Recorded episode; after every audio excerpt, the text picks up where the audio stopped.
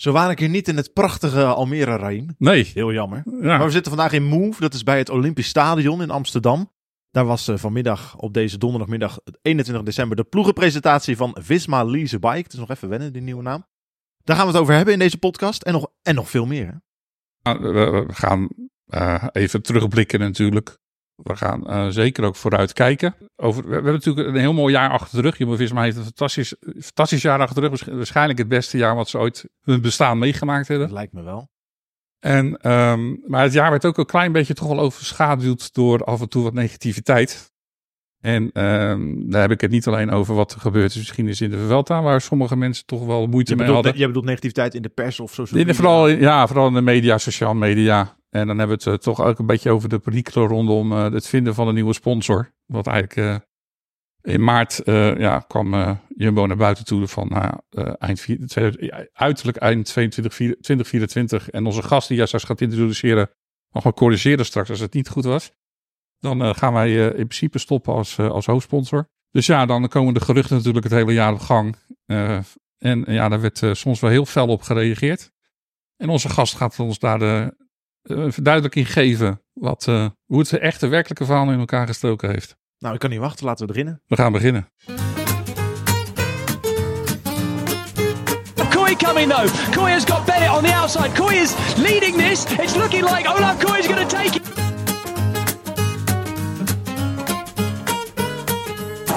What a day. What a ride. And Van Aert is about to bring the Wout factor to the Tour de France. Take stage victory and go into yellow jersey. A man who packed fish for a living.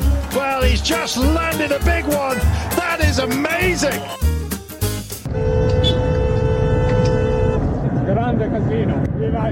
Ja, een hele goede dag en welkom bij eh, de laatste Grande Casino podcast van eh kalenderjaar 2023. Raheem is er, je hoorde hem al, de grote ster. Jarno is ook weer aangeschoven en onze speciale gast, niemand minder dan eh, de commercieel manager van Team Visma Leasebike, Sander Kruis. Sander, van harte welkom. Dankjewel, leuk om eh, te gast te zijn. Nou, nou, het is het genoeg in eh, geheel wederzijds. Wat doet een commercieel manager van de beste wielerploeg ter wereld? Wat denk je? Nou ja, ik, ben heel, ik, ik heb geen idee. Ik denk dingen verkopen, maar Ja, ja, ik denk voor sommige mensen zal ik wel te boek staan als, een- als een verkoper inderdaad. Ja. Alleen, eh, zo zou ik het zelf niet helemaal willen, willen omschrijven.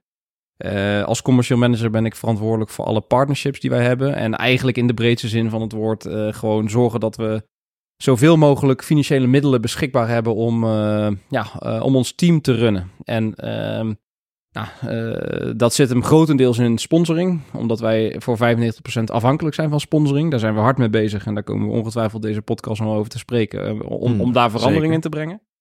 Eh, maar het is mijn verantwoordelijkheid om te zorgen dat we dus eh, ja, voldoende geld ophalen eigenlijk om het team te kunnen, te kunnen draaien. En eh, ja, als je zo, voor zo, zo'n groot percentage afhankelijk bent voor, van sponsoring, ehm, ja, dan kan het eigenlijk op twee manieren. En dat is één, geld binnenhalen en twee, kosten besparen. En kosten besparen doe je bijvoorbeeld door trainingskampen gratis, ges- gratis gesponsord, te- of gesponsord te krijgen. Dus gratis Ja, te krijgen.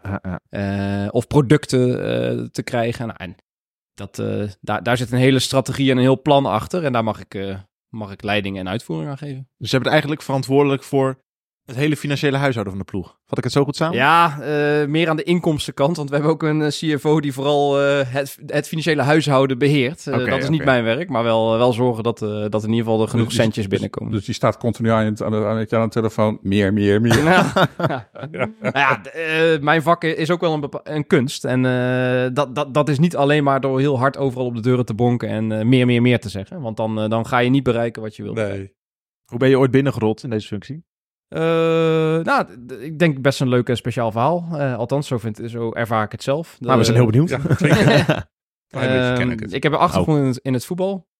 Ik heb eh, mijn hele leven gedroomd om profvoetballer te worden. Eh, bij RBC Roosendaal gevoetbald tot het faillissement. Daar een paar wedstrijden in het eerste mee mogen doen. Eh, daarna naar Sparta gegaan.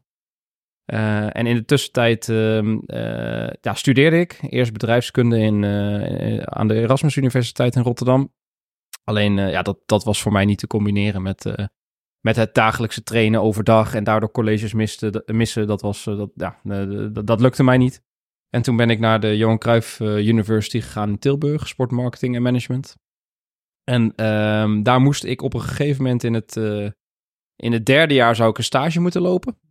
Eh, en ik zat in het tweede jaar eh, van die opleiding. Ik dacht, laat ik eens gaan kijken of ik een leuke stageplek kan vinden. En ja, mijn hele leven staat in het teken van sport. En Mhm. ehm, je, ja eh, mijn achtergrond lag in het voetbal, maar ik was altijd al een enorme wielerliefhebber. Ik, eh, ik volgde echt alles. Eh, dus ik dacht, ja, het lijkt mij heel vet om bij de Raboploeg stage te gaan lopen. Ja. Nou, en die waren net hun sponsor kwijtgeraakt. Dus het was in, eh, ja, in de periode, in die winter van, van dat Rabo vertrok en dat 2012. ja, 2012, 2013. Ja. En toen heb ik Marijn Zeeman een berichtje gestuurd op Twitter, weet ik nog. Uitstekend. En die, ehm, die verwees mij door naar Mark van der Kamp. Dat was de toenmalige commercieel manager. En die zei, ja, die, die kwam eigenlijk vrij vlot terug van... Nou ja, eh, we, we zoeken eigenlijk, we kunnen wel een stagiair gebruiken. Want ja, we moeten, we, we moeten een sponsor zoeken. En we moeten allerlei data verzamelen en presentaties in elkaar maken. En daar kan je wel bij helpen. Nou Ja. ja, dat liet ik me geen twee keer zeggen. Dus Nee. ik zei tegen mijn opleiding van, joh, wat er ook gebeurt. Ik ga dit doen. En toen heb ik in mijn tweede jaar van mijn opleiding, heb ik, ben ik die stage gaan lopen. Heb ik tegelijkertijd gewoon al mijn vakken nog gedaan. Maar ja, niet, niets ging mij tegenhouden. Dit was echt mijn droom, eh, droomstage. En Ja. eh, nou, sinds, sindsdien nooit meer weggegaan eigenlijk. Mooi hoe een berichtje op Twitter eh, Ja. ergens toe kan leiden. Ja. Ik bedoel, jij stuurt ook heel vaak berichtjes via Twitter Ik, heel veel. Naar, naar mensen binnen de ploeg. En eh, nou, van Sander bijvoorbeeld krijgen we dan een keurige reactie. Daarom zit hij hier ook. Maar het kan, het kan verkeren. het, het kan zeker werken. Maar je zegt, ik ben nooit meer weggegaan. Maar wat, je bent niet als stagiair, denk ik, in één keer commercieel manager geworden. Nee. Nee, ja, dat, dat is natuurlijk een, eh, een bepaald pad eh, en, en een bepaalde groei die je doormaakt. En ehm, eh, ja, ik, ik ben dus in, als stagiair begonnen. En het grappige verhaal is ook dat, dat ik de eerste stagiair ooit was. Want ze hadden, ze hadden daarvoor Mhm. geen stagiairs. Ik- Een leuke anekdote is ook dat de eerste dag dat ik op kantoor kwam... Toen zaten er echt nog maar heel weinig mensen op kantoor. Dat was in een soort kelder in, eh, in een gebouw in Amsterdam. In een soort... eh, in, in een gebouw van Rabobank, zeg maar. Daar zat de ploeg Ja. in een kantoortje. Ehm, en ehm, eh, de, de vrouwelijke collega die daar zat, die, die welkomde mij, verwelkomde mij met... ik haat stagiaires, maar eh, welkom en eh, veel succes. Oké. Maar dat was, ik, moet het wel, ik, moet het, ik moet het wel beter uitleggen. Die had, die had er meer, eh, ja, die had zoiets van, poeh, eh, er komt allemaal werk bij kijken bij stagiaires. Zo, en ze was verder een heel aardige vrouw en een hele leuke relatie mee gehad. Maar het was, ehm, eh, ja, de- zo begon het, zeg maar. En ehm, ja, het, toen was de ploeg ook gewoon nog totaal niet zo ver als dat het nu is. Dus het Ja. was een hele kleine organisatie. En wat Ja. voor mij razend interessant was, was dat ik... Ja, ze hadden elke week een overleg. En daar zat ik gewoon meteen met de commercieel manager, de, de, de communicatieman... eh, met Richard, de directeur... En met nog twee mensen. Dat, dat was het kantoorteam. Dus ik zat gewoon in een clubje van zes, zeven mensen. Zat ik daar elke week aan tafel. En dan ging het over van alles en nog wat. En daar mocht ik gewoon over meepraten, meedenken.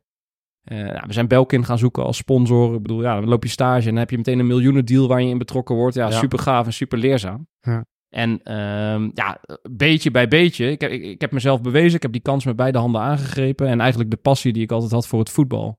Ja, toen er, ik erachter kwam dat, dat, dat die carrière het hem niet, eh, dat, dat hem niet ging worden. Ja, die heb ik volledig in, in deze baan gelegd. Ja. En toen ben ik uiteindelijk gevraagd om, eh, ja, om, om, te, blij, om te blijven. Eh, ben ik eerst als marketing communicatie medewerker gebleven. En in 2018, eh, toen is onze commercieel manager vertrokken. En toen, eh, ja, toen heb ik hem eigenlijk opge, opgevolgd. Dus eigenlijk heel natuurlijk eh, verlopen. Wanneer merkte je eigenlijk dat de ploeg echt groter begon te worden dan die kleine organisatie waar je het net over had? Ja, dat heeft wel een paar jaar geduurd hoor. Ik denk dat dat ehm, eh, ja, 2018, 2019 eigenlijk, een beetje die, die periode. Dat, ja, dat is eigenlijk een paar jaar nadat, nadat onze groei is ingezet. Sportief. Eh, toen, toen werd ook wel de, de kantoorkant van het team steeds groter en groter. Eh, en zijn we echt veel meer er een bedrijf van gaan maken. Eh, ten dienste van de sportploeg. Ehm, en in de jaren daarvoor was, was zeg maar de performance kant van het team al wel meer en meer uitgebreid. maar met name de, eh, de kantoortak, zeg maar, die, eh, ja, die heeft eigenlijk pas in die jaren echt een vlucht eh, genomen. En hoeveel mensen zitten er nu op kantoor? Ik durf het je niet eens te zeggen. Er zijn dagen dat we met drie man op kantoor zitten en zijn dagen dat we met dertig man op kantoor zitten. Alleen in totaal werken er nu meer dan 200 mensen bij dit team.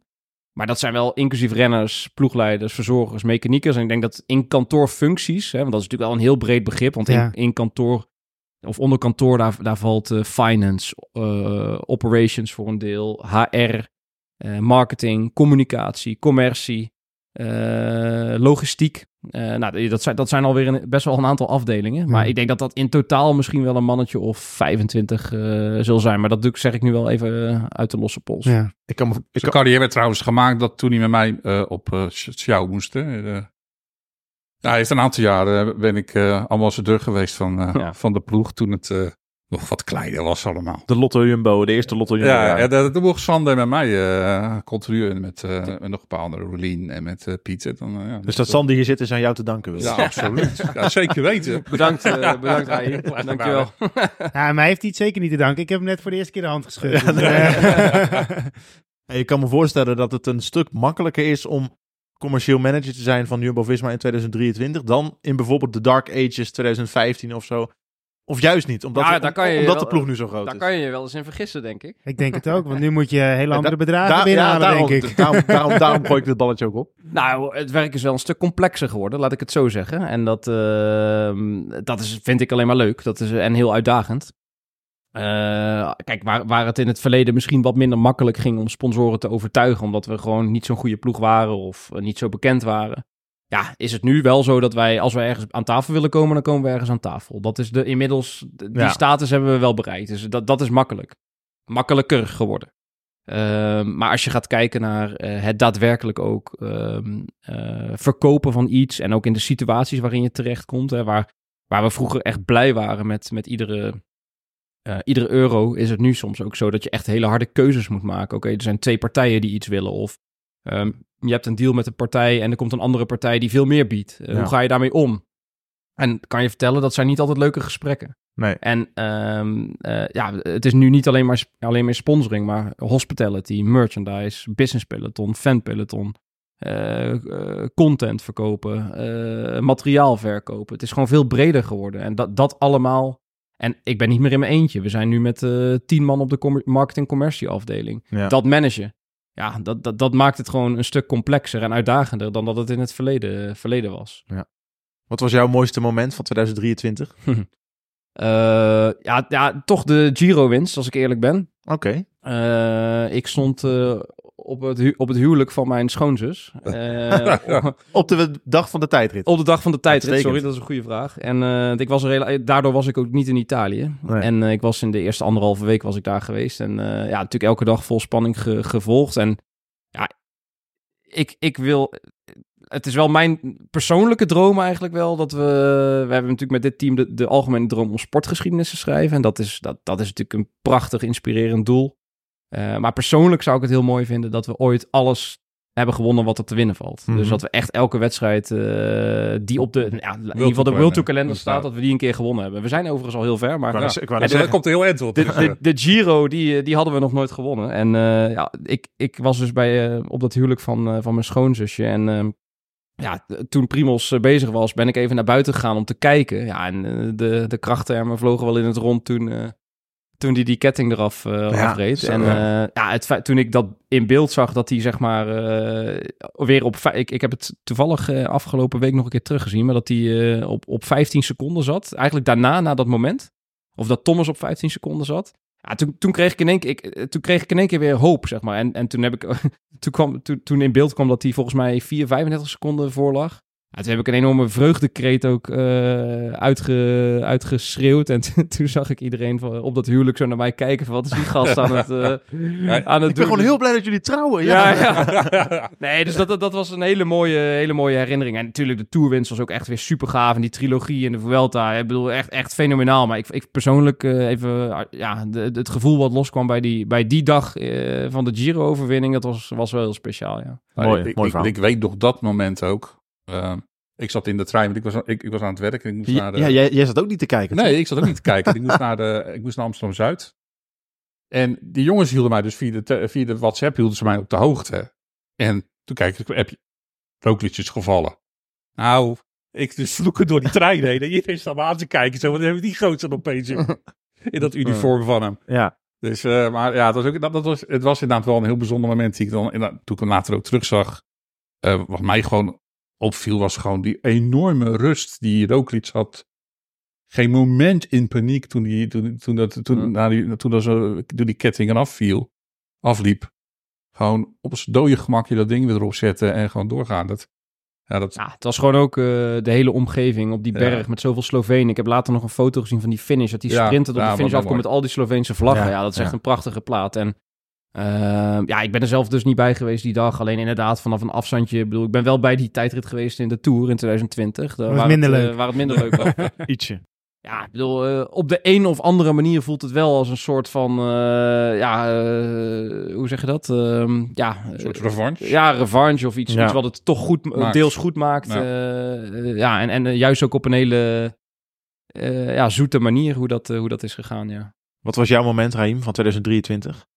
Moeilijk kiezen voor jou, ik weet het. Ja, maar er zijn 69 momenten natuurlijk uit waar ik het kan kiezen. Dus, als het heel gaat om de winst. Refererend aan het aantal overwinningen, inderdaad. Maar ik, ik denk voor mij de meest aansprekende was dan toch die tijdrit in de Tour.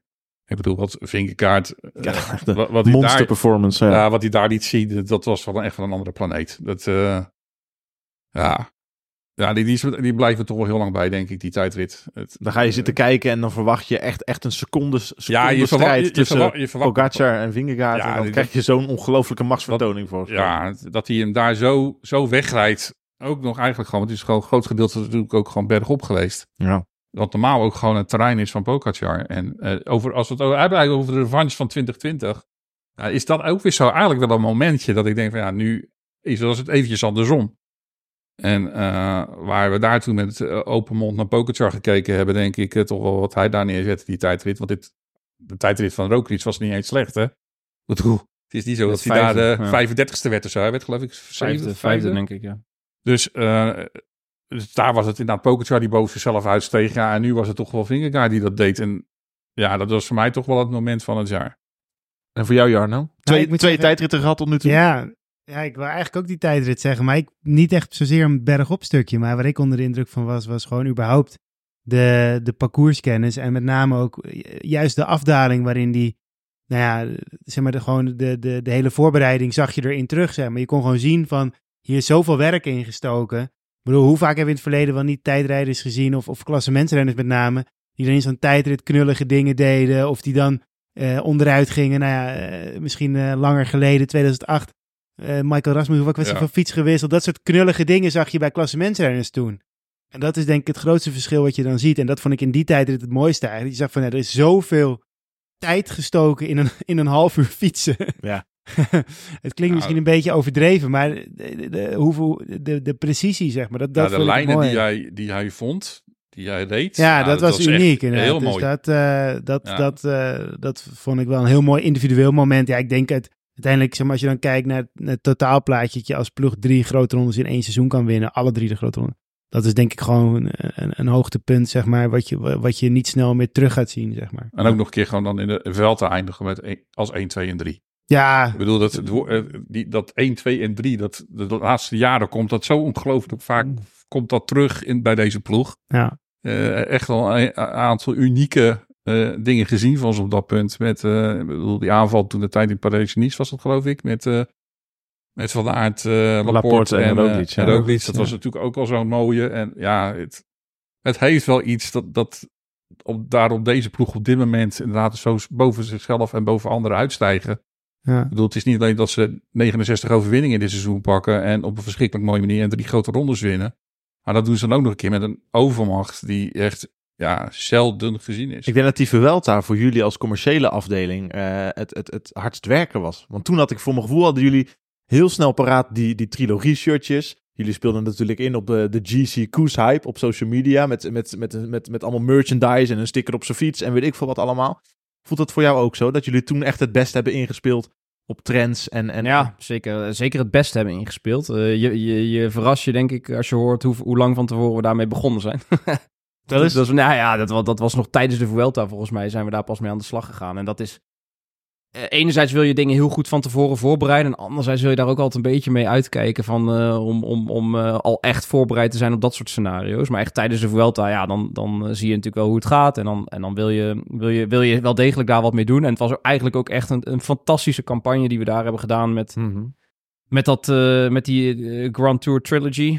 Ehm, Daar was al wel een tijdje over nagedacht, lijkt me toch? Nee, ja, dat is ook pas in de Vuelta ontstaan eigenlijk. Echt? Echt, ja, serieus. Maar dat had je toch wel eerder kunnen bedenken, dat dat een mogelijkheid zou zijn? Ja, nee, natuurlijk denk je daar wel eerder over na. Alleen ik bedoel echt hoe het er concreet uit komt te zien en wat je precies gaat doen. Dat is eigenlijk echt pas tijdens de Vuelta Oké. ontstaan. En dat is, dat is juist ook het mooie, dat, dat ons hele marketing, commercie en communicatieteam, dat die, dat die zo hard gewerkt hebben om dit van de grond te krijgen. En het is echt een onwijs succesvolle campagne geweest. We hebben heel veel shirtjes verkocht. We hebben heel veel, eh, heel veel nieuwe fans aangeboord.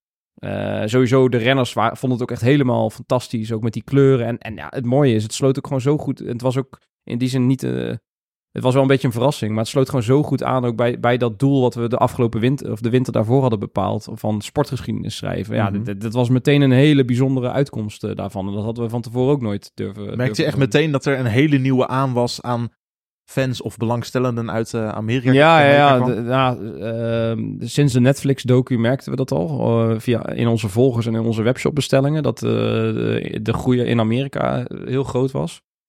En sinds de Vuelta, ja, da- daar hebben we echt enorm veel bestellingen uit de Verenigde Staten gekregen. En eh, is het zelfs zo dat de VS eh, onze grootste markt is geworden. Zelfs groter dan Nederland en België. Dus dat ja, was voor ons wel ook weer een heel interessant inzicht. Ja. En, Ik denk dat de eh, VS ook wel een grotere, eh, dat zijn wel meer mensen denk ik ook die echt merchandise kopen, Ja. zeg maar. Ik denk dat merchandise minder, ja tenminste als ik kijk om me heen, als je met, ja, als je met, min, als je met mensen fietst, dan hoor je ook vaak, ja ik ga niet eens een pakje van een ploeg rijden, zeg maar. Ja, in, Ne- in, Nederland, in Nederland misschien niet. En, eh, maar in België wel weer heel erg ja, bijvoorbeeld. ja, dat is Eh, meer inderdaad, ja Er zeker. zijn mensen ook echt fan van, van Wout. En eh, Ja. dat helpt ook enorm. En Ja. Ja, kijk, in Nederland probeer je daar weer op een andere manier op in te spelen. Want wat we wel zien is bijvoorbeeld... dat als je dan vervolgens weer dat, dat trilogie-shirt eh, aanbiedt... ja, dat vinden mensen dan weer heel mooi, zeg maar. Ja. En dan, dan, dan gaat het in één keer wel. Dus Ik denk dat mensen een mooi, kijk, mooi, een mooi shirt bijvoorbeeld in Nederland wel snel kunnen waarderen. Maar het is meer dat mensen minder snel echt fanachtig of, of echt merchandise kopen. Maar ik denk dat als je mooie, mooie Ja. spullen maakt, dat mensen het wel willen. Ja, ja en toch geloof ik daar niet. Ik bedoel, ik snap wat je bedoelt hoor, want ik herken dat ook wel. En tegelijkertijd, ehm, ik, hou- ik hou mezelf wel altijd voor als ik kijk hoeveel mensen er rondlopen in jasjes van Max Verstappen met is- Red Bull en, Zo. en honderdduizend sponsors erop. Ja. Dan denk ik ook van ja, ik denk dat het in Nederland ook gewoon heel erg ligt aan, eh, heb je een uithangbord en heb je echt een, eh, echt een aansprekende wielrenner die, die aansprekende resultaten behaalt. En ja, laten we heel eerlijk zijn, in Nederland is dat wel gewoon of eh, een grote ronde winnen. Ja. Of ja, à la Van der Poel eh, wereldkampioen worden en, en echt eh, hele grote klassiekers winnen. Nee, dat was een voorbeeld wat ik in gedachten had. Ik wist alleen niet of we, of we, dat, of we dat gedeelte zeg maar gingen benoemen. Maar inderdaad, ja, de, enige waar je het van ziet dat het wel werkt, zijn inderdaad die jasjes van Max Verstappen. Eh, ik denk dat, ze, dat dat het ook dan inderdaad ligt van vinden mensen het mooi. En dat moet ook wel erbij passen. Het is een combinatie van dat je mooie spullen levert en Ja. inderdaad denk ik inderdaad echt die iconische Ja. eh, prestatie levert. Ik denk dat het eh, commercieel voor jullie echt een ideaal scenario was. En dat jullie stiekem, onbewust of bewust, wel een beetje zaten te hopen dat Sepp Koes uiteindelijk die Vuelta zou winnen, toch? Ehm, nou, eh, als ik heel eerlijk ben, zo kijken wij daar helemaal niet naar. Dat, eh, kijk, uiteindelijk, we zijn gewoon een sportploeg en we willen winnen. Dat punt. En eh, er wordt vaak in het wielrennen een heel ding van gemaakt. Van ja, de sponsor wil dit of het team Hmm, wil dat, ja. want dat is veel beter hiervoor of daarvoor. En toen kwamen natuurlijk ook in, in die periode al die verhalen over Amazon eh, Ja. naar buiten. Ja, Sepp moet natuurlijk winnen, want Amazon, et cetera. Nou, weet je, dat, dat kan ik even ontkrachten. Dat is gewoon echt onzin. Zo kijken we daar helemaal, eh, helemaal niet naar. En alleen, ja, tuurlijk is het onze uitdaging om met zo iemand als Sepp en als zoiets gebeurt, om daar wel volle bak op in te spelen. En tuurlijk willen we kijken of we in Amerika voet aan de grond kunnen krijgen. En daar misschien ook eh, de markt open kunnen, kunnen krijgen. Kijk, uiteindelijk is het doel van, van, van mijn functie en van de afdeling eh, waar ik leiding aan mag geven. ehm, ja, om zoveel mogelijk financiële middelen beschikbaar te krijgen voor het team. En eh, ja, daar daar maken wij continu afwegingen in. En als wij zien dat, er, dat de Amerikaanse markt potentie heeft, of de Belgische markt, of de Deense markt, of, of whatever.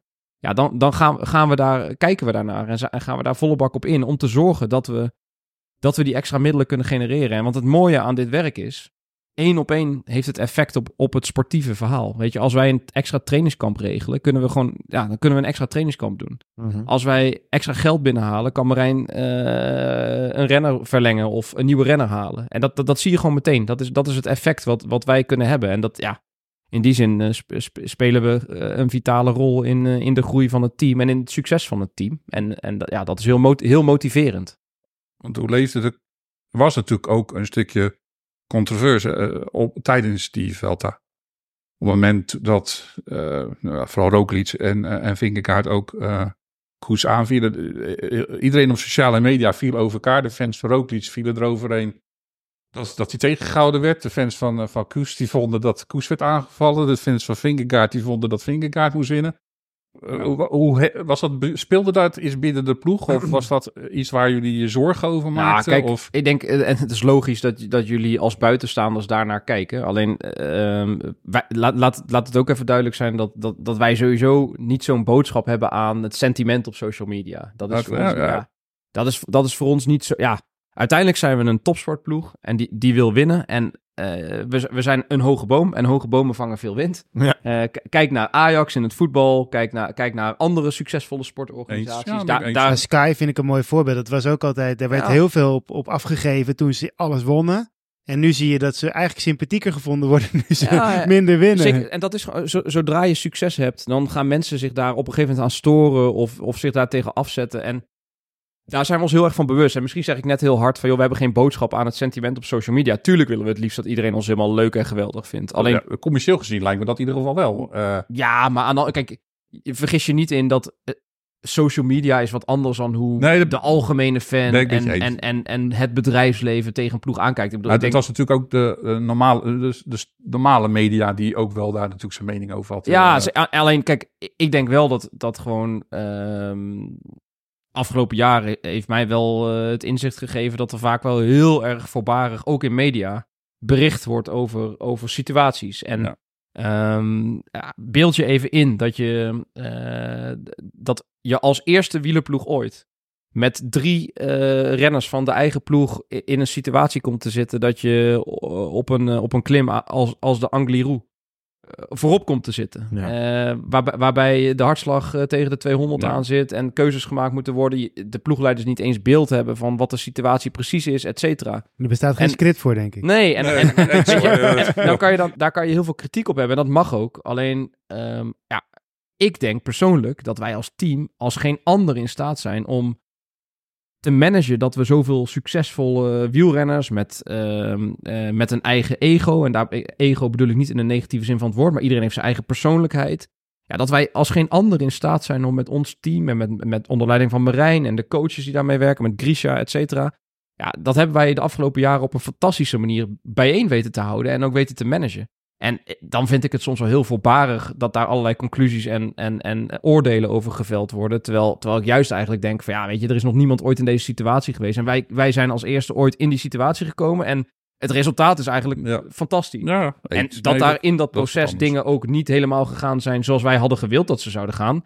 Laat dat ook duidelijk zijn. En Ja. ja, en, en ja weet je, daar, eh, dat evalueren we ook en daar leren we weer van. Maar dat is toch ook normaal dat je in een topsportomgeving af en toe tegen, tegen dat soort situaties aanloopt. En het, het, is alleen de vraag, hoe ga je daar vervolgens mee om en hoe handel je daarnaar? En ik denk dat wij daar hartstikke goed, in- hartstikke goed in zijn. En eh, dat daar soms heel voorbarige conclusies over getrokken worden. Als het volgend jaar maar beter gaat dan. Ja, ook. Maar, maar ook, Ja. ja. eh, We, we zijn, we zijn 1, 2, 3 geworden in, Ja, de, nee, in de precies. Vuelta. En, eh, ik, ja. ik, ben, ik ben er zelf ook van overtuigd. Jij mag me corrigeren als het niet zo is. Dat Roglic ook weg was gegaan.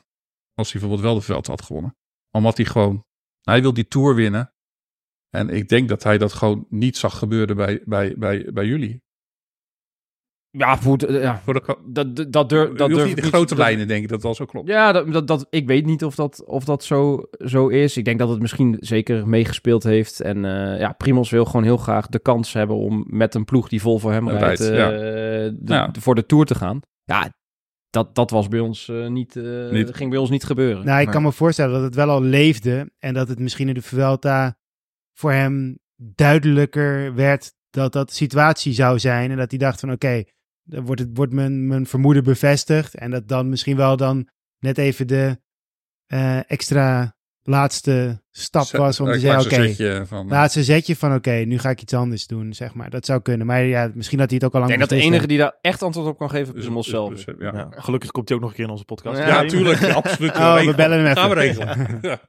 En jij vertelde al over die, eh, jouw eerste sponsorzoektocht die jij hebt meegemaakt. Dat was toen nog Belkin, Ja. inmiddels alweer tien jaar geleden, ongeveer.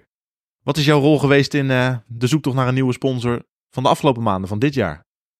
Eh, ja, ja, een hele belangrijke en prominente rol, denk ik, want dat is mijn werk. Ja.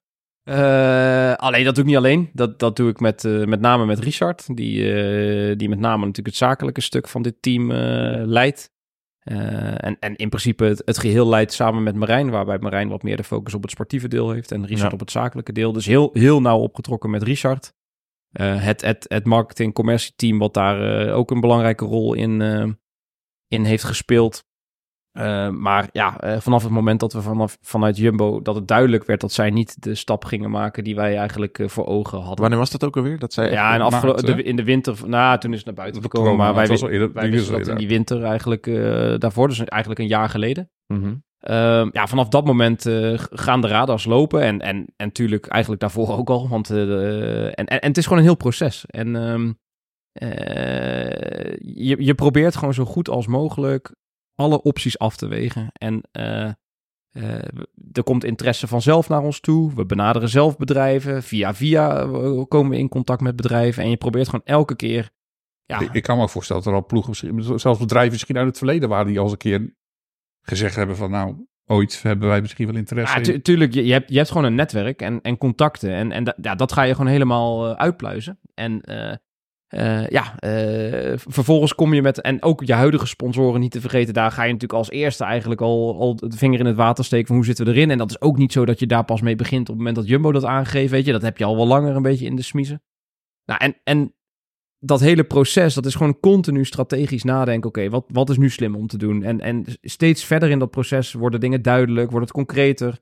Alleen het is niet zo dat het ene proces eh, afgelopen, afgelopen is en dan het andere pas begint. Dat loopt eigenlijk allemaal tegelijkertijd. En, en ja, dan probeer je continu de juiste afweging te maken. En da, dat, dat, daar spar ik dus heel veel met Richard over. En, en eh, trekken we heel erg samen in op. Ja, want je kan ook niet één sponsor natuurlijk eh, eh, daarop inzetten. En als die dan uiteindelijk zegt, nou, toch maar niet. Nee, kijk, uiteindelijk het is goed om te beseffen dat dit soort deals voor deze posities bij een team als de onze, ja, dat zijn gewoon deals die, die zijn niet heel, niet heel gebruikelijk. Eh, Of niet, niet heel gebruikelijk, die, die komen niet veel voor. Hmm. En want zelfs in de Premier League, de grootste voetbalcompetitie ter wereld, daar zijn de, de bedragen die wij zoeken, die zijn ook niet heel gebruikelijk. Want ja, je hebt, natuurlijk heb je Chelsea en Manchester United en, en Manchester City, die echt gewoon vanwege de merken die ze zijn enorme deals maken. Alleen eh, de meeste andere clubs hebben niet zulke hoge deals als, als die wij nodig Nee, hebben. klopt. Maar ik weet Noem- dat van mijn Ajax is ook veel minder. En dat komt omdat ze veel meer geld verdienen gewoon aan het stadion. Ja, en media, en, mediageld. eh, Ze hebben veel meer geld uit, uit andere Dus- bronnen. Volgens mij kostte Egon, eh, die, die, die betaalde maar een paar miljoen. Ja, maar hè, Ja, bedoel, bedoel, eh, Champions League op de eh, eh, opbrengsten, dat soort zaken. Ja. Dat, Ja, ja, dus dat, het dat, heb ik al Dus het is, niet, het is niet makkelijk om, om zo'n deal te vinden. En, en, je, en je gaat gewoon, ja, eh, alle opties ga je, ga je langs. En, en wij hebben gewoon de insteek gehad van luister, wij willen, wij willen, wij hebben al iets voor ogen. We wilden een bepaalde stap voorwaarts zetten. We wilden de toekomst ook op een hele duurzame manier neerzetten. Dat we niet eh, over één of twee jaar weer dezelfde situatie zouden hebben, maar weer gewoon weer lange termijn vooruit konden kijken. Nou, en we hebben eigenlijk rond, dat kan ik me nog goed herinneren, rond Parijs-Roubaix eh, hebben Richard en ik ook echt een aantal uitgangspunten gedefinieerd. Van ja, dit is eigenlijk wat we eruit willen halen. En als we die nu afstrepen, dan, dan denk ik dat we die wel bijna allemaal, eh, allemaal gehaald hebben. Vanaf, vanaf wanneer was Lease Bike echt in beeld om, eh, om deze stap te zetten? Het is natuurlijk een dochterbedrijf van PON dat Ja. al in jullie zat met nou ja, ander dochterbedrijf Cervelo bijvoorbeeld. Wanneer waren zij echt in beeld om in dat gat te springen? Ja, nou, kijk, Pon, Pon is eh, natuurlijk een, ehm, eh, een sponsor die al lang aan ons verbonden is en die we ook goed kennen. Dus vanaf het begin van het traject ben je in contact met PON om te kijken wat, wat zij kunnen doen. Ehm eh, Visma, hetzelfde verhaal. Daar ben je al in een heel vroeg stadium mee in gesprek om te kijken, oké, ja, wel, welk, welke interesse hebben zij, wat kunnen zij, et cetera. En ehm, nou, weet je, eh, ook met PON werd het eigenlijk al wel snel duidelijk dat zij heel graag eh, betrokken wilden blijven, misschien wel wat extra's wilden doen. Dat was, dat was eigenlijk helemaal geen vraagteken. Eigenlijk pas later in het proces, eh, zeg maar na, na de Tour en net voor de Vuelta geloof ik, werd, werd het wel echt concreter dat ze ook daar Lease Bike voor in, in gedachten hadden. Omdat ze daar, ja, dat bedrijf deed het heel goed. Eh, eh, dat wilden ze nog wat meer in, in, in, in de picture zetten. Nou, en eh, ja, het merk Lease Bike aan zich is, is wat later eh, in het jaar eh, ja, concreet geworden. Pluggen was in de media altijd heel zelfverzekerd. Hè, van, oh, dat komt goed. Als, wij kregen een beetje het idee, ja, Riem, jij hebt het ook meermaals gezegd, van, oh, hoeveel ze echt geen zorgen te maken. Die grote sponsor, die komt wel. Ehm, was dat helemaal terecht? Was jij ook, stond jij daar ook zo verzekerd Ja. in? Of, of Was, Ja, dat meer, een- was dat meer van, nou draag dat maar uit naar de media. En achter de schermen is het misschien wat meer zweet. Nee, helemaal in de- niet. In de media kwam natuurlijk juist het beeld tegenovergesteld dat het ongelooflijk moeilijk was om aan een nieuwe hoofdsponsor te komen. Dus het, het stond een beetje haaks op hetgeen juist wat, eh, wat, wat Richard daarvoor elke keer zei van dit gaat goed komen. Ja, maar wij hebben, wij hebben nooit eh, ons zorgen gemaakt over dat het goed ging komen. Want we wisten dat we A, sowieso nog een jaar eh, de tijd hadden, tot en met eind 2024. Want Jumbo, die, eh, die, die wil, stopte er niet meteen mee. Die konden ook gewoon nog, eh, nog doorgaan. Maar nu stoppen, ze- nu stoppen ze wel in principe, omdat jullie een vervanger nee, ze stoppen hebben. niet. Ze gaan, gaan eh, sowieso ze nog gaan door. door. in een andere rol als Ah, partner. Ja. Dus ze blijven gewoon betrokken. En eh, dus, dus we wisten die, dat, dat we die tijd ook hadden. En bovendien, ja, we we hadden ook heel veel gesprekken. En we waren het beste team ter, we zijn het beste team ter wereld. Dus wij maakten ons geen enkele zorgen over dat, dat we wel iets gingen vinden. Alleen de vraag is, ga je, ga je iets vinden wat ook echt een verbetering is, et cetera. Nou, en dat, daar hadden we heel veel vertrouwen in. Alleen die moet wel even vallen. Nou, en uiteindelijk is dat ook, eh, is dat ook gevallen, ja. Je, je had het net over een aantal definities die jullie van tevoren hadden op bij elkaar Ja. gezet. Kan je daar wat over vertellen? Wat voor Ja. Eh, nou, een be- een bepaald bedrag wat we in ons hoofd hadden. Daar kan ik niks over vertellen, maar wel... eh, Ah, dat was mijn vervolg. Ja. Ja, jammer nou hè. Ook niet een beetje ongeveer welke richting we moeten denken? Nee, ja, nee, dat, dat, dat- wij doen normaal geen uitspraken over, over sponsorbedragen. Dus Nee, dat, normaal dat niet, maar nu bij ons, Nee, bij jullie eh, kan, kan ik geen uitzondering maken. Nee, dus we wilden een Jammer. bepaalde groei doormaken. Eh, we wilden eh, een bepaalde lengte, dat, eh, dat we wel weer onbepaalde tijd eh, ook, ook hadden. Ehm, Is onbepaalde tijd, dat wordt dan gedefinieerd als onbepaalde tijd. Maar ik neem aan dat het er betekent zit een opzegtermijn dat, in. dat er een opzegtermijn Ja. in zit van bijvoorbeeld twee jaar of zo. Ja, precies. Ik moet net zeggen, ik neem aan dat... Nee, maar dat, dat, dat helpt wel heel erg om te zorgen dat je gewoon wat meer rust in de organisatie hebt. En dat je ook als het gebeurt, kijk naar deze situatie. dan heb je nog... Dan heb je weer even, en dan vaak zie je dat je veel eerder dan die, dan die opzegtermijn weer een andere partij vindt. Dat is in het verleden bij Sky gebeurd. En ook nu met ons. Hè. Wij hebben Ja. ook eigenlijk veel eerder weer een nieuwe opvolger gevonden. En het is voor allebei, alle partijen is het eigenlijk gunstig. Ehm, eh, dus bedragen, eh, lengte. ehm, eh, even kijken. ehm, eh, ja, we, hadden, we hadden ook nog iets in ons hoofd zitten van. Kijk, eh, vaak als wij succesvol zijn, dan, eh, dan kost het ons heel veel geld. Hè? We hebben natuurlijk bepaalde bonussen die we, die we uit moeten keren aan renners, et cetera. Dus we wilden ook heel graag wel goede bonusafspraken maken, zodat we ook als we, als we succesvol zijn, dat we niet meteen eigenlijk eh, erop achteruit gaan. Ja, dat kan je toch in principe met een sponsorcontract gewoon vastleggen. Dat je zegt van, joh, we doen een bepaalde sponsorcontract. En als we dan dit, dit en dit doel Ja. halen, dan krijgen Ja, we... zeker. Dus, dus, dat, was ook, dat, was dus dat was ook een speerpunt. En ja, Ja. zo- weet je, zo, zo waren er een, een vijf, zestal speerpunten die we, die we hadden. Die, De balans eh, is de CFO heeft een zwaar jaar dit jaar. Zeker, ja. Hey, en eh, aan het begin van de zomer in juni lekte ongeveer de eerste naam uit via Wielenflits, geloof ik. Hè? Die waren de eerste die kwamen met, hoe heet dat bedrijf? Neom. Met, met Neom uit het Midden-Oosten. Hoe concreet heeft dat echt gespeeld? Niet. Dat is duidelijk. Nee, dat, dat was echt, wij hebben nooit met Neom gesproken. Nee, kijk, in zo'n heel traject hebben we wel, eh, eh, ja, dat is misschien niet helemaal jullie wereld, maar er is- werken veel tussenpersonen ook. Hè, Ik dus net zeggen, veel... het wou net zeg- ik wou net zeggen, er zal vast iets van een agency Ja, precies, dus hebben. Wij werkten ook met een agency. eh, en er, er zijn ook heel veel, heel veel tussenpersonen die zichzelf uit zichzelf melden. Eh, en het kan best zijn dat, dat, dat er ooit contacten geweest zijn tussen een tussenpersoon en over ons met Neom. Alleen wij- hebben nooit rechtstreeks met Neom gesproken. En dat werd wel zo gepresenteerd. Dus dat, Mhm. ja, dat Ja, klopt het, echt het, verhaal was natuurlijk gewoon enorm groot. Ja, en dat het echt op het laatste moment afgeketst was, et cetera. Ja. En dat bedoel ik. Er, zijn, er komen gewoon veel berichten in de media. En jullie gaan zo meteen ongetwijfeld vragen stellen over de fusie. En, eh, eh, Amazon, niet. Am- Amazon, Amazon en dat soort dingen. Eh, maar ja, er, komen gewoon heel vaak gewoon hele voorbarige verhalen naar voren. Die, die, die soms ook gewoon helemaal niet kloppen. En, Is dat en überhaupt voor jullie een optie geweest? Echt sponsoring uit het Midden-Oosten? Nou, Want kijk, maakt, wij, maakt er nogal wat los in wij, hebben Nederland. niks, wij hebben van tevoren gezegd, we gaan niks uitsluiten. En zeker ook als je bedragen zoekt die wij zoeken. Ja, dan, dan moet je gewoon ook zo respectvol zijn om overal voor open te staan. Ik bedoel, we hebben het hier ook over een bedrijf wat eh, meer dan 200 medewerkers heeft. Dan, dan, dan kunnen we wel heel makkelijk zeggen, ja, als er dit of dat bedrijf komt, dan gaan we niet praten. En ik bedoel, praten wil niet zeggen dat je ak- uiteindelijk akkoord gaat met iets. Dus wij, wij wilden in ieder geval qua gesprekken niks uitsluiten. Mhm. En, en stonden dus overal voor open om in ieder geval eh, het te onderzoeken. En toen kwam het bericht, je refereert er zelf wel even aan. Het bruggetje is makkelijk. Goed dat je het zegt. Anders waren we het Anders hadden vergeten. jullie het niet Ja, gedaan. anders hadden we echt niks Nee, over het gezegd. Eind september, de fusie met Quickstep. Zat hij er echt aan te komen?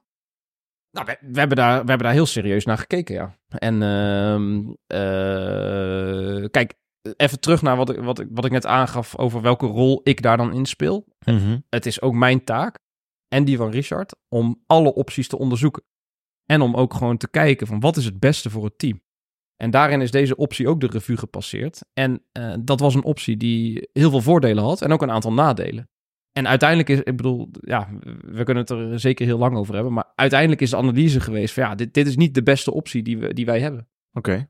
Dus het is nooit helemaal concreet geweest. Nou, het is wel concreet geweest. Alleen Wel. het is nooit concreet, concreter geworden en tot een deal gekomen. Maar is het dan zo dat het, dat het ging worden en dat toen opeens Pon met Lise bijkwam en dat het daardoor verviel? Nee, want dat is, dat is ook wat ik net zei. eh, Zo, zoveel, die processen lopen ook allemaal door elkaar heen. Dus het is niet zo dat je met het ene bezig bent en dan gebeurt het. Dan, dan, Maar is het dan geweest start dat jullie op, het een gegeven moment een, jullie op een gegeven moment een paar opties op tafel liggen. En daarvan konden jullie kiezen en dan was dus Soudal-fusie niet de beste. Ja, ja Dat was eigenlijk meer. het verhaal, Ja, min, of meer. Ja, en eh, kijk, het is ook weer niet zo dat, eh, dat er vijf aanbiedingen op tafel liggen. En dat je dan Nee. met de benen op tafel gaat zeggen: Nou, eh, dit is degene die we gaan kiezen. Dat is een spel. Ja, Dat is een onderhandeling. Dat is, en dat zijn. Dat, dat, dat is de ene keer gebeurt dit bij de, in het ene traject, de andere keer gebeurt dat in het andere traject. En uiteindelijk, daar krijg je een gevoel bij. Hè? Som, dat- dat speelt daar ook gewoon een rol in. Waar, waar doe je het beste aan richting de toekomst? Nou, en, en uiteindelijk was dat voor ons heel erg, in ieder geval vanaf het begin af aan, aan al heel erg duidelijk dat, dat, dat Visma gewoon een heel, een, graag een grotere rol bij ons wilde spelen. Ja. Ja, wij werken ook echt op een fantastisch goede manier samen met Visma. Dat past ook heel goed bij ons. Dus ja, dat was voor ons heel duidelijk dat we die heel graag aan boord wilden houden.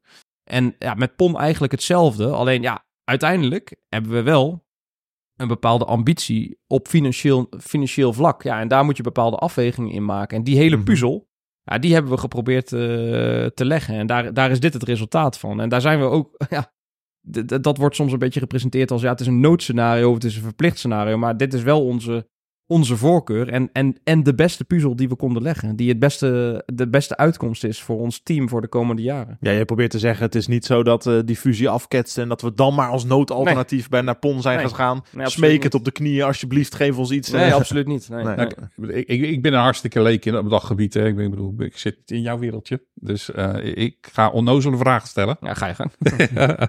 Ehm, als eerste, ik bedoel, hoe, hoe komt zo, ik bedoel, eh, ik wil het echt wel eens een keer weten, hoe komt zoiets, zo'n verhaal naar buiten toe? Ik bedoel, want ik kan me voorstellen als jullie in onderhandeling zijn met een partij, in dit geval dan eh Bakkelaar zijn, eh, of met, met, met, de sponsoren van, eh van Quickstep. Ehm, hoe komt dan dat dat toch zo groot naar buiten komt? Is er dan Ed of een tussenpersoon die gaat praten, toch? Of zijn er andere mensen uit, niet misschien uit jullie orga- organisatie, maar uit andere organisaties die met de media gaan praten, dat het zo bij Wielerflits terechtkomt? Ik zou het ook graag willen weten. Oh, je weet het ook Eh, niet? Als jij, als jij het weet, dan... eh, Nee, hoor ik weet het graag, niet. Maar... Nee, ja, goed. Kijk, eh, vergis je niet in dat... eh, tuurlijk probeer je dingen zo confidentieel mogelijk te houden. Alleen uiteindelijk zijn er aan beide kanten van de tafel... zijn er uiteindelijk meerdere mensen die op de hoogte zijn. En bij ons intern proberen we dat, dat zo klein mogelijk te houden... met dit soort gevoelige onderwerpen. Maar ook aan de andere kant zijn er natuurlijk mensen die, eh, die ergens van afweten. En, en sommige mensen die horen dan weer wat en gaan weer praten. En eh, ja, misschien, misschien dat er sommige mensen uit bepaalde belangen soms ook dingen bewust eh, naar buiten Ik brengen. wil net Alleen- zeggen, was het niet zo dat deze deal, zoals hij in de media op tafel lag, voor, Soed- voor Soudal en de medewerkers van Soudal, de renners van Soudal, en voor de eigenaar van de ploeg van Soudal, niet de beste optie was. Dan, dat zijn ook mensen die dan kiezen om te gaan lekken soms. Ja, maar dat bedoel ik te zeggen. Er zijn meerdere, meerdere kanten eh, die op de hoogte zijn. En op een gegeven moment, ik bedoel, ja, iedereen kan wel zeggen, ja, ik, ik houd mijn mond dicht. Maar eh, wij, wij zeggen altijd intern eigenlijk, de- iedereen vertelt het altijd aan één iemand, in ieder geval één iemand extra. Of het nou je vrouw is of een vriend of, of whatever. En, en daar, daar weet je ook nooit van, van wat gebeurt daar weer mee? Of eh, ja, eh, wie, wie horen het vervolgens weer? En wat doen die, wat, doen- wat doen die ermee?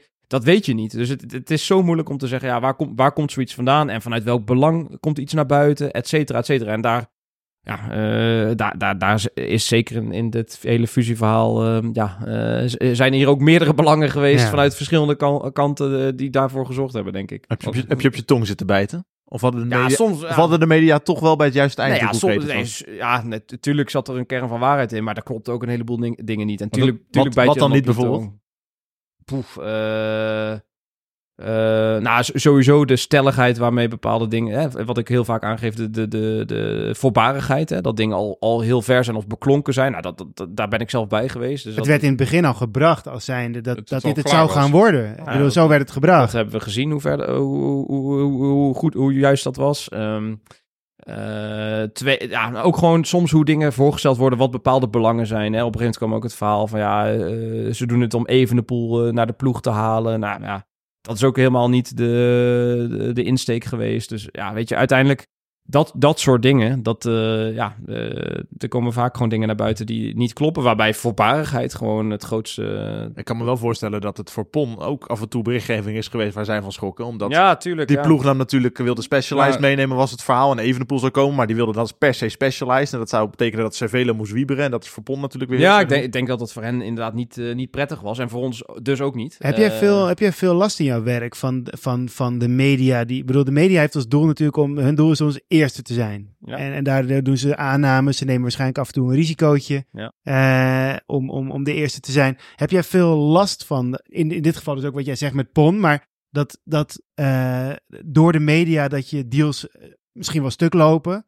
Of dat je op het matje geroepen wordt van, hé, hey, wat lees ik nou? Nee, dat, dat valt best wel mee. Ik heb er geen, ik heb er geen last van. Tuurlijk is het, het is gewoon een factor om rekening mee te houden. En die, soms helpt die mee en soms zit die een beetje tegen.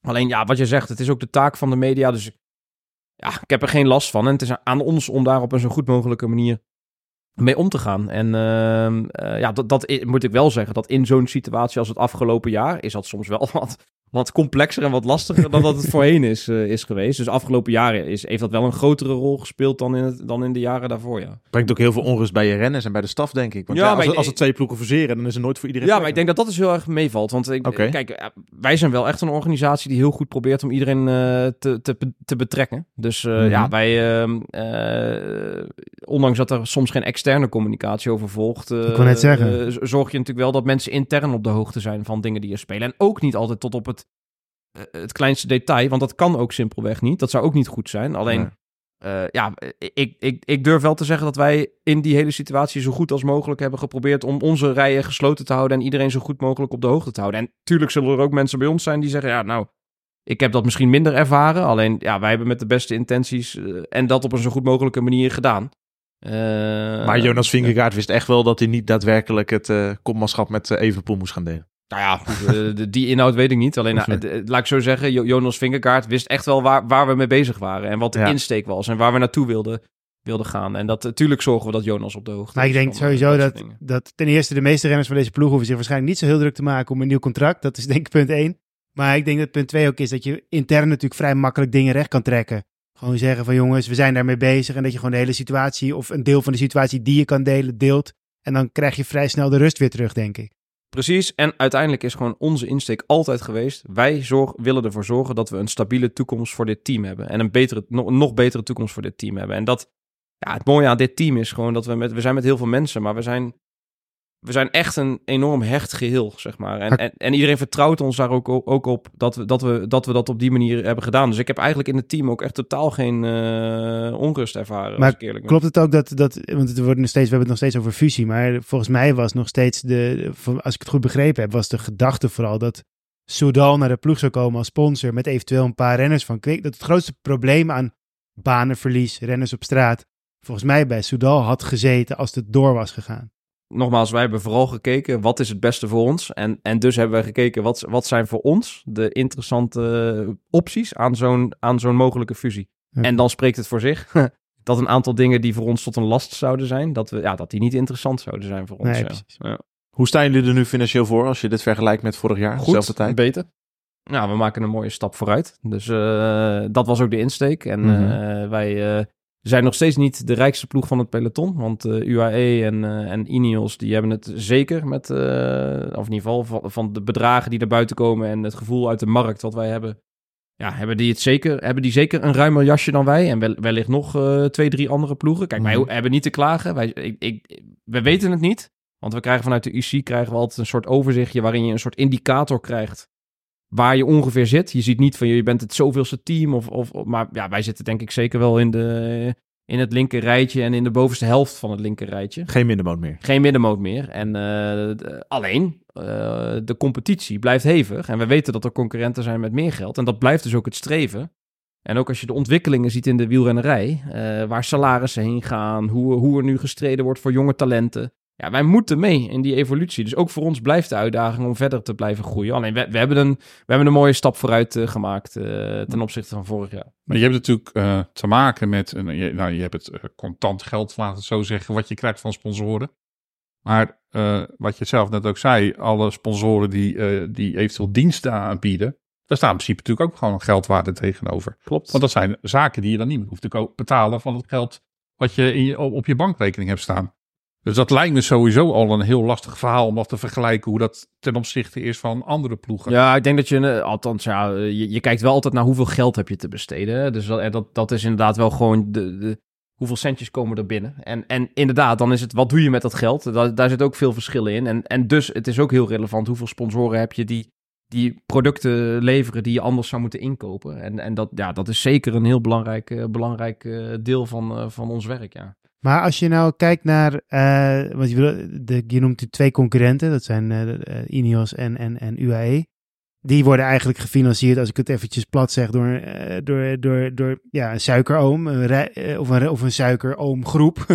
maar dat zijn, dat zijn, die, kunnen, die zijn heel erg afhankelijk. Jullie, als ik het goed begrijp, jullie trekken het in ieder geval breder. Wat zou jij je voorkeur hebben? Zou je zeggen van nou, als we één zo'n suikeroom kunnen vinden, heb ik dat toch liever? Want dat is ook een risico. Ja, ik als weet er niet of je het per, per se een suikeroom kunt noemen. Want bijvoorbeeld, ja, Jim Radcliffe van Ineos is natuurlijk een hele rijke man. eh, en, en die is daar ook CEO, et cetera. Alleen, het is natuurlijk wel nog steeds gewoon een mega groot bedrijf wat erachter zit. Maar als zo iemand zegt, ik stop ermee, dan ben je ook bijna al je middelen kwijt. Ja, dat, dat klopt. En dat is dus bij ons altijd wel een bewuste keuze om met meerdere grote partijen te werken. Alleen, ja, dat is ook maar net hoe de gesprekken lopen. Ik kan niet uitsluiten dat Nee. als wij in de toekomst tegen een partij aanlopen die ook zegt, ja, wij gaan 50 miljoen doen.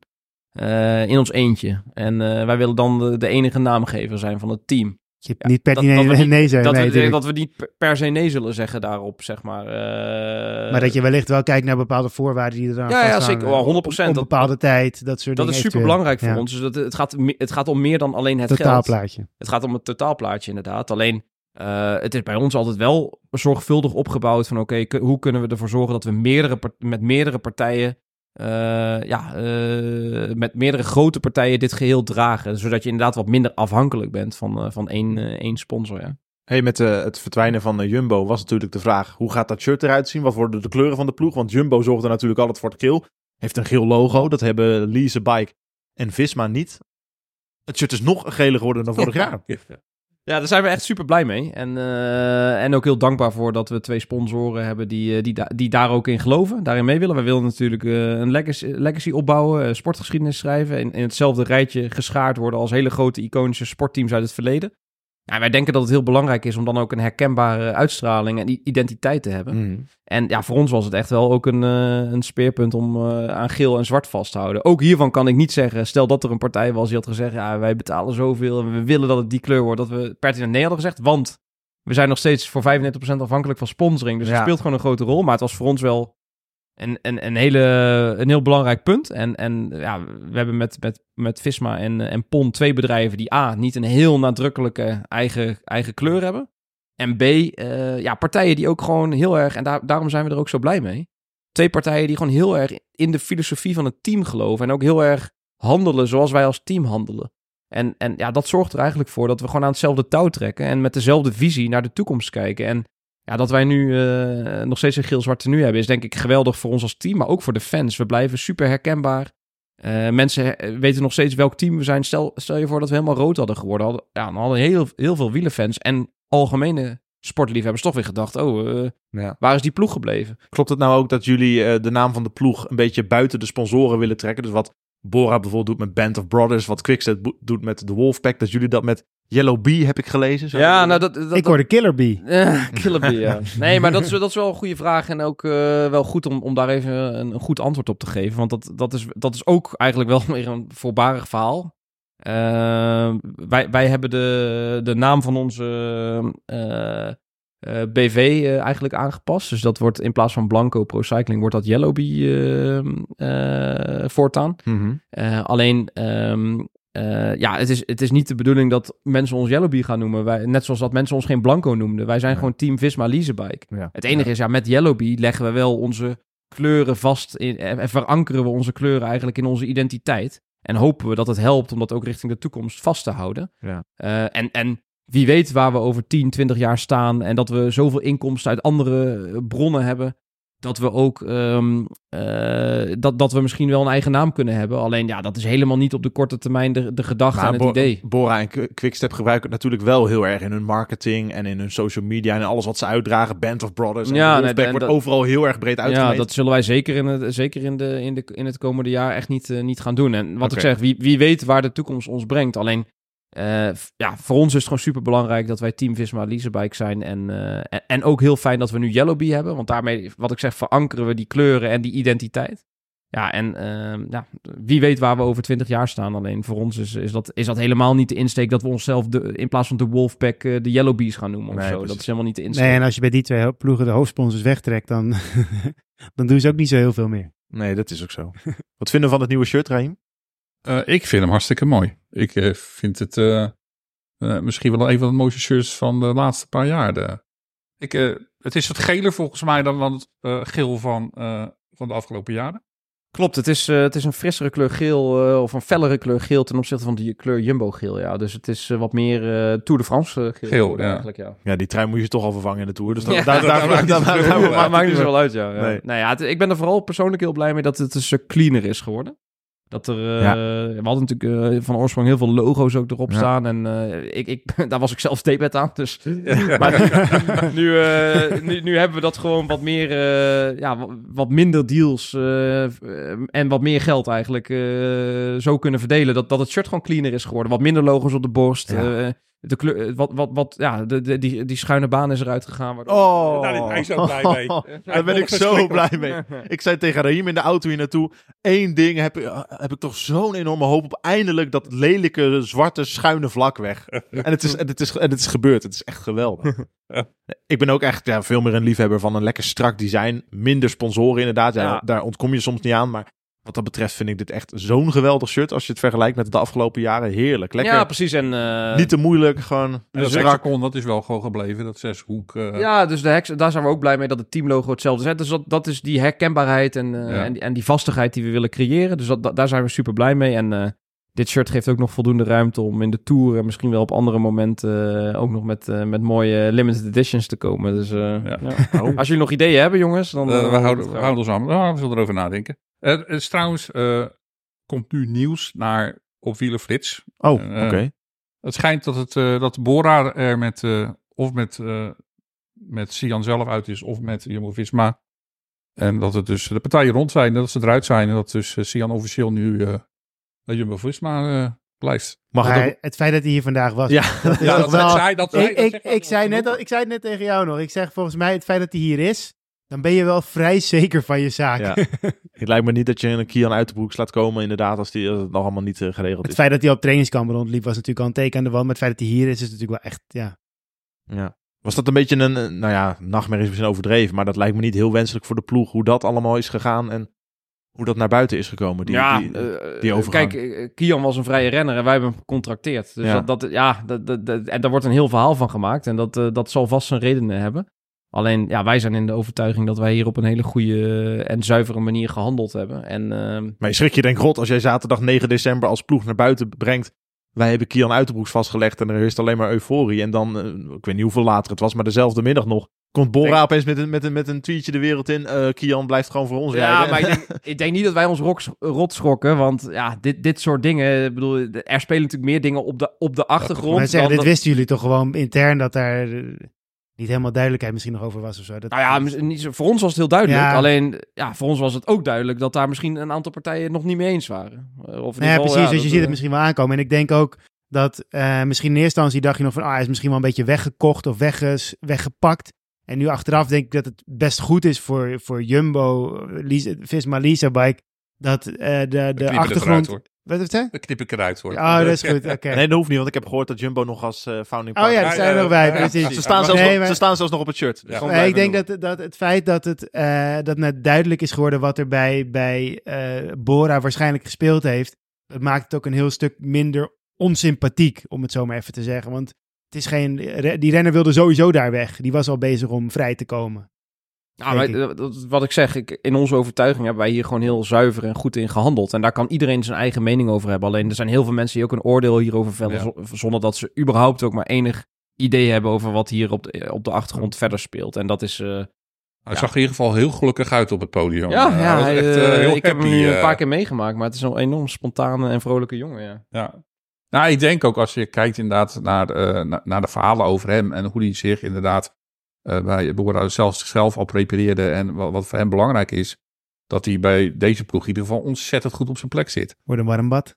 nou ja, ik denk het wel in ieder geval. Ik bedoel, dit is Ik denk toch, dat het een eh, jongen is die, eh, die goed, bij ons, eh, goed bij ons past, ja. En eh, voor de toekomst, ja, natuurlijk, eh, het moment natuurlijk dat, eh dat Roglic, eh, dat in ieder geval dat het bekend werd dat Roglic wegging.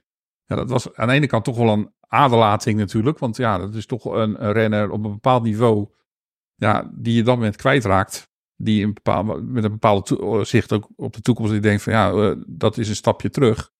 Maar uiteindelijk denk ik dat jullie er zeker niet slechter vanaf gekomen zijn, want je haalt wel een jongen binnen. Nou ja, dat als je, als je Primos verliest, dat je er per definitie niet eh, beter op wordt. Nee. Alleen, eh, Het zijn wel Eh, dit doet streepjes de aan het pijn, van maakt de pijn wat minder. op, de, op de lange termijn hebben we denk ik weer supergoed eh, ingekocht met eh, Ben en eh, Kian en eh, Matteo en eh, de jongens van het development team. Hebben, we, Ja, eh, de Hagenes, dat is eh, ook ja, wel een we hebben eh, gewoon eh, weer een heleboel talent in het, in het team. En ehm, ja, ook überhaupt de jongens die blijven natuurlijk. Ja, we hebben gewoon een, weer een fantastisch team eh, staan die weer eh, voor hele mooie prestaties gaat zorgen. Maar sportief Daar leef je, wel, leef je wel iets in, toch? Want je Het raakt, gewoon een tien, stre- streepjes aan het einde van je, raakt, je raakt de grote ronde weer naar kwijt. En je raakt misschien, nou ja, niet misschien, dat kun je met zekerheid zeggen, de allerbeste, meeste knecht, luitenant.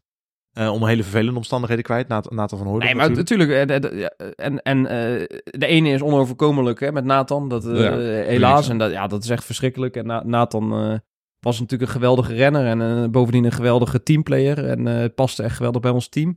Maar dat, ja, daar- dat heb je niet in de hand. En, en, en bij Primos, ja, dat, we hebben fantastisch... Ik bedoel, Primos heeft ons ook gebracht waar we staan. En daar zijn we onwijs dankbaar voor. We hebben een fantastische periode met hem meegemaakt. En nou ja, op een gegeven moment ja, is het gewoon zo dat het, dat het, ja, dat het niet, meer, niet meer past. En, en dat, dat was nu, eh, in ieder geval vanuit zijn perspectief. En dat was, eh, dat, dat, dat was, eh, was het geval. En dat, ja, dan, dan moet je als ploeg ook, eh, ja, eh, ook, ook nadenken of het wel slim is om, om hem te, te dwingen om te blijven. En nou, hebben wij een, an- daar onze afweging in gemaakt. En eh, Heel netjes. Tuurlijk gaan, we, tuurlijk gaan we een aantal overwinningen misschien missen. Maar ja, aan de andere kant, er komen ook weer kansen voor andere renners. Ik bedoel, Wout heeft afgelopen jaar tussen haakjes maar eh, drie keer gewonnen. Wie weet wint die volgend jaar weer meer dan tien keer. Mhm. Ja, dan, dan compenseer je op die manier alweer een aantal overwinningen van, eh, van Primos die wegvallen. Ja, en er komen ook weer kansen voor andere renners. Dus eh, nee, joh, dat, eh, ik, eh, ik maak me geen zorgen over ons team volgend jaar. Oké, Eén ding, één ding wil ik dan nog. Ik bedoel, eh, ik, dat zijn, het zijn vooral de dingen die ik eh, meekrijg van anderen.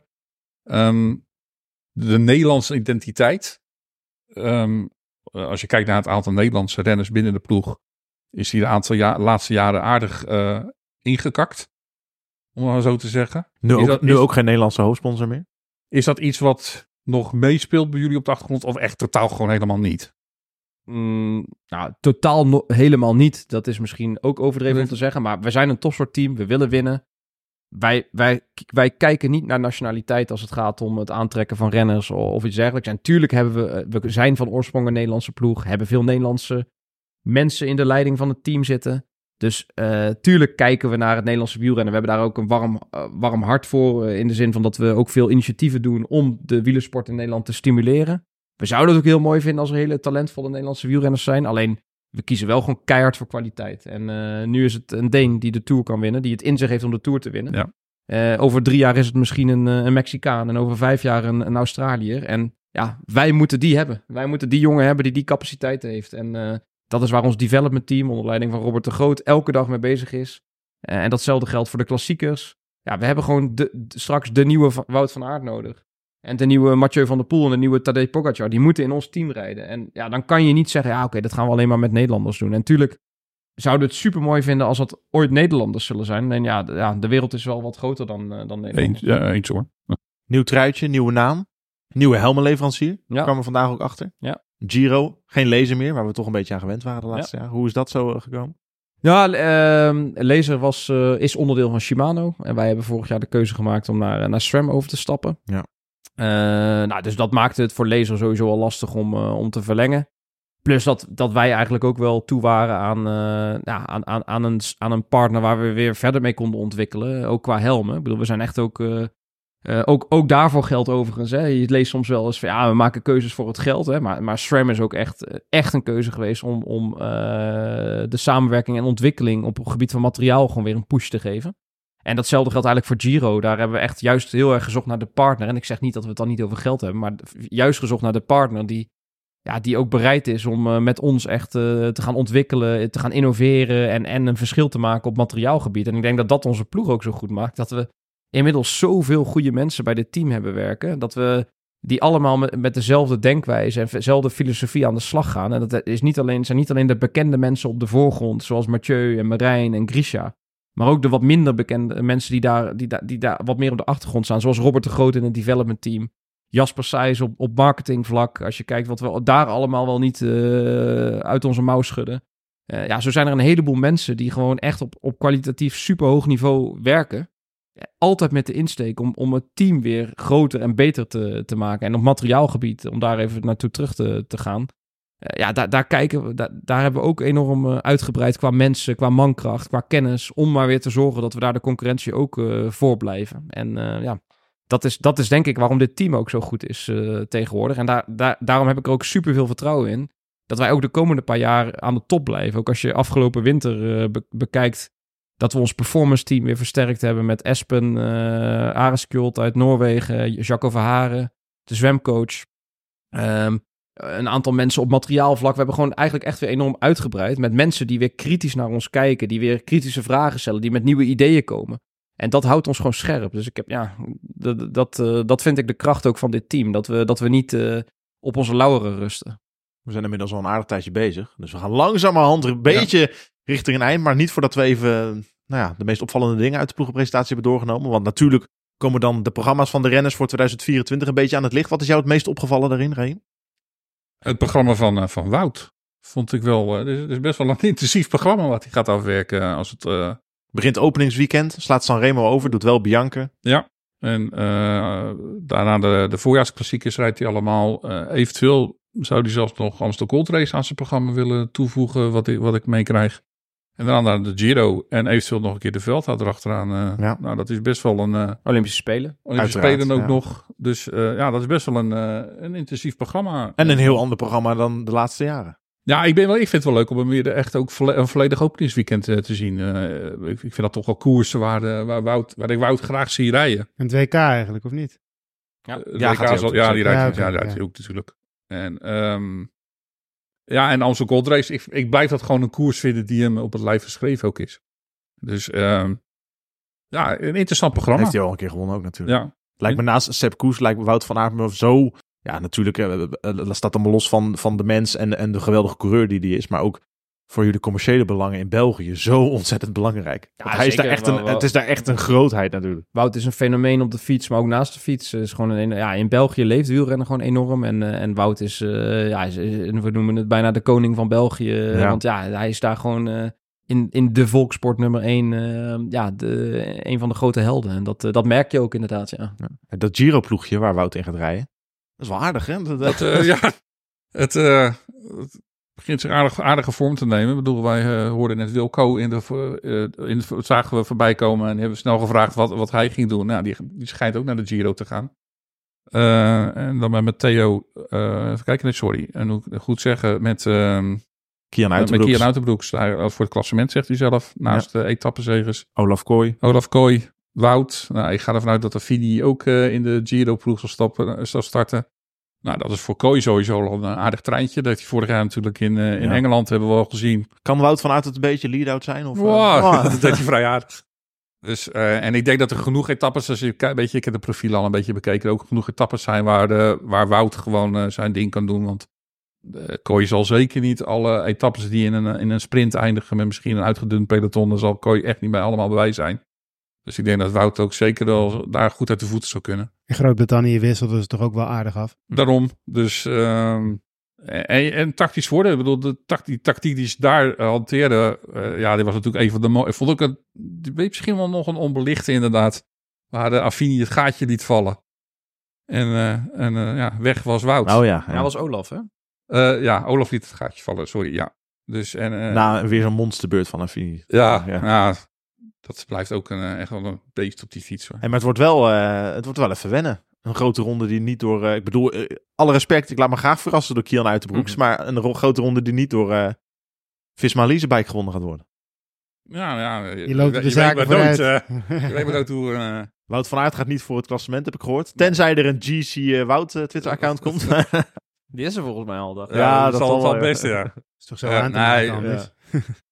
Nee, in principe zal je... Zal, Po- theoretisch- Pogi- Pogi theo- gaat naar de Giro natuurlijk. theoretisch kijkt, dan zal de kans dat eh Kian, Kian de, daar... de- eh, hoe is het eigenlijk? Kian of Kian? Kian. Kian, Kian? Kian, ja. Dat Kian de Giro wint. Ja, die zal eh, minder groot zijn eh, als vorig jaar. Dat, eh, met de kans dat, eh dat we Primos hem zou winnen.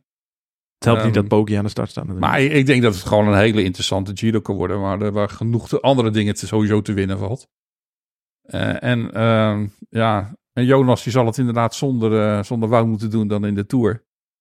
Maar ja, die krijgt natuurlijk een, een, een, eh, uit, een zeer gemotiveerde Sepp Koes denk ik wel mee. ja, want die gaan samen als duo zowel de Tour als de Vuelta doen, hè? Dat eh, ziet, er wel, dat ziet het er wel naar uit, ja. Dus eh, de, de Vuelta is nog een beetje...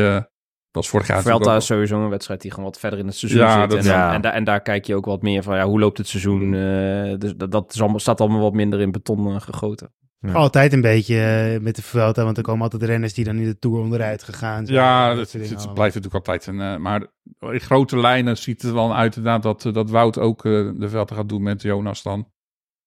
En, en dus ja, nou ja, De- weet je, de- de- genoeg kans voor toch wel weer op veel succes ook in de grote rondes. De, hele Tourploeg is al, is al bekend. Ja. Ehm, van de week Vingegaard, Koes, Tratnik, Kruiswijk, Benoot, Laporte, Van Baarle en Jurgensen. en Jorgensen. Ja. Ja. Jurgensen waarschijnlijk een klein beetje dan misschien in de rol van Van, van Hooijdonk. Eh klimt natuurlijk waarschijnlijk iets beter als Van Hooijdonk. Maar ehm, ja, ik denk dat het een grote aanwinst is. Want het natuurlijk, eh, zeker voor een ploeg die, zoals Jumbo Visma, die op alle terreinen graag mee wil doen. Ja, er is zo'n jongen als Jurgensen die goed ook het klassieke werk aan kan. En ook goed kan klimmen. Ja, dat is, dat is natuurlijk eigenlijk een ideale renner voor deze ploeg. Eh, hij kan ook een klassement winnen, want hij, hij heeft al een paar hele goede uitslagen gereden ook. Dus eh, dat is, ja, het is een multifunctionele renner wel op een heel hoog niveau. En die zag het zeker over deze ploeg passen. Daar gaat, daar gaat zeker ook Ja, en, een Ameri- en een Amerikaan, dat wilde Amazon natuurlijk heel graag. En dat helemaal jullie, nog- na deze podcast, dat jullie eh, beseffen dat, het, dat wij zo niet werken. We hebben het eigenlijk helemaal niet meer over gehad hoe concreet dat nou is geweest met Amazon. Ah, daar hebben we, hebben we ook mee gesproken en is ook een van de opties geweest. Alleen Ja. ja, ja uit- uiteindelijk niet eh, de, ja, zover gekomen dat we, daar, dat we daar een deal mee gesloten hebben. En eh, ja, ja, wel gewoon serieuze gesprekken mee gevoerd. Maar het klopt dus wel. Dus de, dus de media, de, de, de, de, de, de kaarten die op tafel liggen, die komen dus naar buiten. Alleen het wordt inderdaad in de media gebracht alsof het al bijna kan en kruik is. En dan bij jullie zijn het dan gewoon nog opties die op tafel liggen en waarmee gesproken wordt. En dat is helemaal niet dat het dan al rond is. Maar dat lijkt er dus een beetje op dat de media Ja, nou, in, daar deze veel geval- in, de- in deze gevallen wel. En er zullen ook voldoende gevallen zijn dat de media het wel bij het juiste e- eind heeft. Eh, en ik zag, soms ik zit zag, ze er helemaal ik zag vanmorgen een artikel over, eh, op Wielerflits over de verlengingen van Koes, Van Empel Nou, en, eh en Vingegaard. Nou, die, nou, die zaten- klopte. Ja, oké, maar, Ja. maar die, waren, die, eh, waren die nog niet door jullie... Ik zag het ook, maar die waren niet door jullie gecommuniceerd nog. Nee, dat eh, is vandaag op de Ah, Oké, ik wil pas, net zeggen. Ik eh, dacht ook van, oh, ik denk nou, misschien hebben ze het ochtends al Nee, Nee, maar- nee. Oké, dus die waren net iets eerder. Maar, ehm, maar nee, maar natuurlijk zit er ook wel eens naast. Want blijkbaar die met eh, van dat neon, dat klopt er gewoon helemaal niet. Dus dat, dat zit ook wel eens helemaal naast. Maar er zijn wel dingen die dan wel een beetje kloppen, maar nog, nog lang niet zo ver zijn als, dat er ge- als, als het gesuggereerd wordt. Weet Ja, je, ja. eh, eh, eh, nog een andere, want Volkswagen werd ook duidelijk genoemd. eh, die is onderdeel van Leasebike. Leasebike is een eh, joint venture, dus een gezamenlijk initiatief van, eh, van PON en van Volkswagen. Ja. Oh, Oké. Maar Volkswagen is daarmee ook gewoon toegetreden als, als een soort sponsor? Of Ik heb, Nou, niet, ik, is niet, dat het- niet direct, het bedrijf maar- Volkswagen zelf, maar... eh, ik heb vandaag bij- wel Skoda zien staan. Volgens mij bij- bijna, bijna de helft van, eh, van het bedrijf Leasebike is van, eh, is van Volkswagen. Oké. Maar die staan nog op hetzelfde onderstel. Oh, dus die hebben wel degelijk natuurlijk wat te zeggen in, in zo'n sponsor, eh, sponsorverhaal. Oké, nou duidelijk. Ja, ik, ik denk verder dat we de komende weken gaat er geheid nog wel meer duidelijkheid komen over, eh, over programma's van, eh, van, van bepaalde Ja, als we nu nog alle programma's uh, Dat- dat- individueel dus gaan doornemen, Daar moeten we de eh, volgende, keer, volgende podcast maar weer even... dan moet de- Sander even naar huis hebben dat hij niet meer thuis komt. Ja. Dan gaan we En dan, Dus eh, en dan gaan we de volgende Dat is podcast volgens mij ook niet waar Nee, Sanders eh, expertise ligt. Nee, daar daar gaan we de volgende podcast, eh, daar gaan we de volgende podcast over hebben. Sander Kruis, ongelooflijk bedankt dat je een keer wilde aanschrijven en eh, ons van eh, wat duiding wilde voorzien in allerlei zaken. Zeker. Raheem weer bedankt. Jarno weer bedankt. Ik ben echt niet zoveel aan het woord gekomen vandaag. Ik moet even wennen. Normaal ben je altijd het haantje de voorste. Maar ja, vandaag je nou ja, toch wat... eh, ik- Als, het, als er dan toch een, een gast die wat te vertellen heeft zit, dan, dan ken je toch wel een beetje je positie. Word je toch wel Nee, ik, ik, ik, ik vind het verhaal heel interessant. Dus ik Oh, heb ook heel veel dingen. Ja, ik jij, was- zit, ik- jij zit ook in die wereld natuurlijk, in de marketingwereld. ja, ja, inderdaad. Maar ik vind het sowieso het hele verhaal wat hij... Wat hij ja, ik doe inderdaad sales, maar eh, datzelfde principe. ehm, of tenminste, commercieel manager is een beetje hetzelfde principe als met sales. Mhm. Dus ik, maar ik vind het verhaal gewoon interessant. Dus ik heb nog duizend vragen, maar wat je al zei, hij, hij wil ook Ik, naar wou- ik huis. wou bijna zeggen van, hebben jullie nog meer vragen voordat ik allemaal weer... Ja, hij heeft duizend. DM'tjes van, eh van eh Raheem krijg. Alleen eh, Nee, nee, als nee, nee. duizend zijn, Het dan... is, nee, nee, nee. Het is, het, is, het is een duidelijk verhaal. Maar ik vind het wel, eh, omdat het inderdaad aansluit bij mijn werk, vind ik het wel mega interessant. Dus vandaar dat ik ook gewoon heel veel luister dan. Nou, gaan we de microfoons even uitzetten. Kun jij nog even duizend vragen stellen aan Sander? maar dan gaan we de luisteraar niet meer, niet meer lastigvallen. Dankjewel voor het luisteren naar de laatste Grande Casino van 2023. Ook namens ons de allerbeste wensen voor het nieuwe jaar. En eh, tot de allereerste Grande Casino van 2024. Dag.